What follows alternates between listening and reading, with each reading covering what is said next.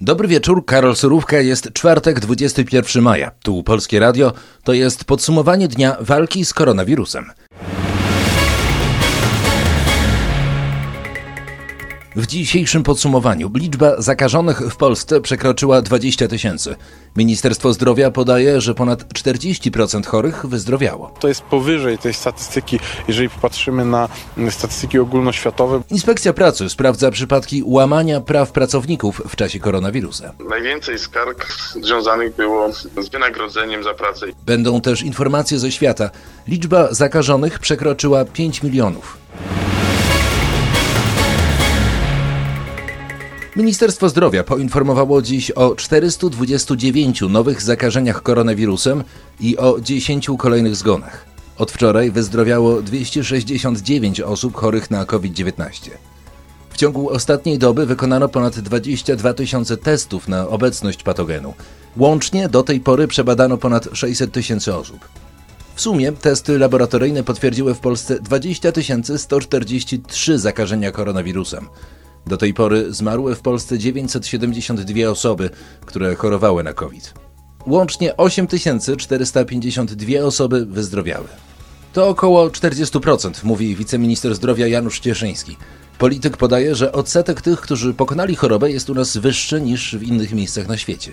Mamy już prawie 8,5 tysiąca ozdrowieńców, co oznacza, że z tych około 20 tysięcy osób, które zachorowały, ponad 40% już wyzdrowiało. To jest powyżej tej statystyki, jeżeli popatrzymy na statystyki ogólnoświatowe, bo tam to jest poniżej 40%. Jeżeli patrzymy na liczbę zgonów na milion mieszkańców, jesteśmy tutaj w ostatniej ćwiartce, można powiedzieć, jeżeli chodzi o kraje europejskie, za wyjątkiem tych najmniejszych lub tych, co do których są wątpliwości, jeżeli chodzi o jakość raportowania. Wymuszanie urlopów wypoczynkowych, zaniżanie wynagrodzeń, czy też zwolnienia pracowników z powoływaniem się na epidemię to tylko niektóre ze skarg, jakie wpłynęły do Państwowej Inspekcji Pracy w czasie pandemii koronawirusa.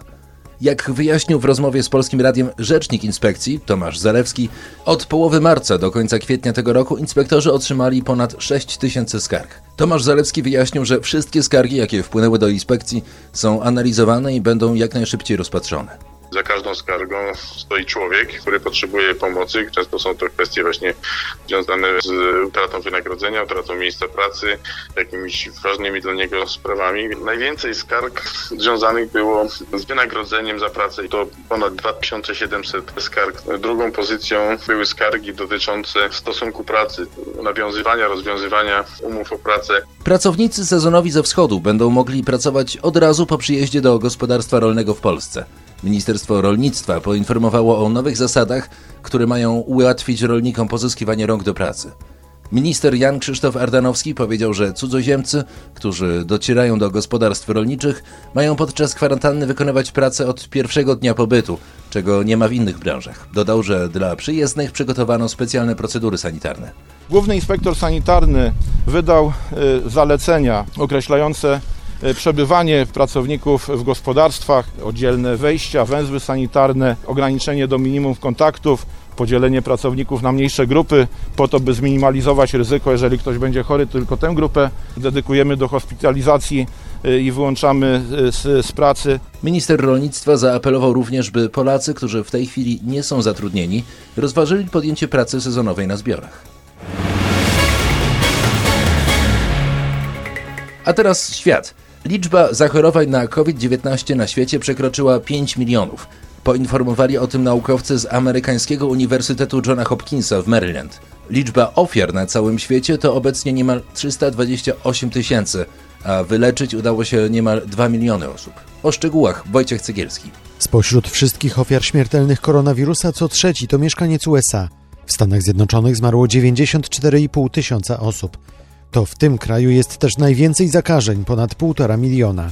Szybko rośnie liczba ofiar w Brazylii i teraz wynosi 18 tysięcy. W liczącym 20 milionów mieszkańców São Paulo zamknięto ruch na ulicach, a z kolei burmistrz miasta Manaus w Amazonii obawia się wielu ofiar wśród rdzennych mieszkańców. Um Mamy rząd, który nie dba o życie Indian w Amazonii, o ich kulturę, który zajmuje się innymi sprawami i jest autorytarny. Tak mówił Artur Vigilio Nieto, Światowa Organizacja Zdrowia poinformowała, że szybko zwiększa się liczba zakażeń w krajach ubogich, a Bank Światowy prognozuje, że koronawirus może wepchnąć w ekstremalną biedę nawet 60 milionów osób. Wojciech Cegielski, Polskie Radio. We Francji policja przeprowadza wzmocnione kontrole na drogach, dworcach i na plażach. Za brak odpowiedniego dokumentu zezwalającego na dalsze podróże, jak i za złamanie przepisów sanitarnych grożą surowe mandaty.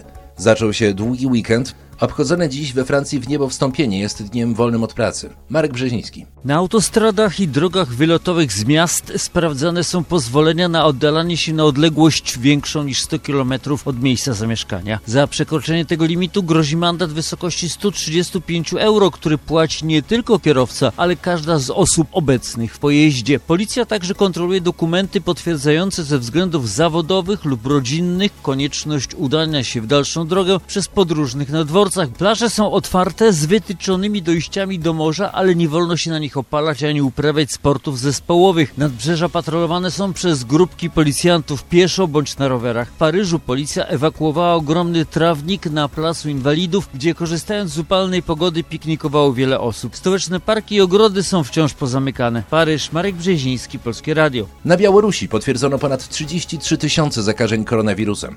Ciągu ostatniej doby przybyło 945 osób, które zachorowały na COVID-19. Z Mińska Włodzimierz Pac. Od ponad dwóch tygodni każdego dnia w kraju ujawnia się ponad 900 osób zakażonych patogenem. Od początku epidemii zmarło 185 osób, a wyzdrowiało ponad 12 tysięcy chorych. W sumie przeprowadzono ponad 403 tysiące testów. Prezydent Aleksander Łukaszenka na naradzie poświęconej sytuacji epidemiologicznej w kraju powiedział, że w Mińsku i Witebsku, dwóch miastach, które najbardziej ucierpiały w wyniku epidemii koronawirusa, sytuacja się poprawia. Jednak nie należy spoczywać na laurach. Zdaniem białoruskiego prezydenta wzmożone działania związane z walką z koronawirusem potrwają jeszcze przez miesiąc. Włodzimierz Pac, Polskie Radio, Mińsk. Premier Włoch powiedział, że Italia, dzięki zdyscyplinowaniu Włochów, najgorszy czas związany z koronawirusem ma za sobą. W Izbie Deputowanych Giuseppe Conte przedstawił dalszą strategię rządu dotyczącą walki z pandemią i jej skutkami. Premier Conte podkreślił, że w związku ze znacznym złagodzeniem środków bezpieczeństwa i odmrożeniem gospodarki, krzywa obrazująca liczbę zakażeń może skierować się ku górze. Zaapelował też o przestrzeganie środków bezpieczeństwa, szczególnie noszenie maseczek. Musieliśmy podjąć to ryzyko. Nie możemy bezczynnie czekać na szczepionkę. Inaczej nie ruszylibyśmy z miejsca, a nasz system gospodarczy i społeczny poniósłby nieodwracalne szkody. Dodał, że żmudny proces odbudowy, przed którym stoją Włochy, stwarza szansę na zreformowanie kraju i likwidację plagi biurokracji. Premier skrytykował banki, które zwlekają z udzielaniem kredytów przedsiębiorcom, mimo że rząd zagwarantował pożyczki. W dyskusji po wystąpieniu premiera doszło do awantur, w związku z czym kilkakrotnie przerywano obrady. Z Rzymu Piotr Kowalczuk, Polskie Radio. Tą informacją kończymy podsumowanie dnia. Karol Surówka, do usłyszenia.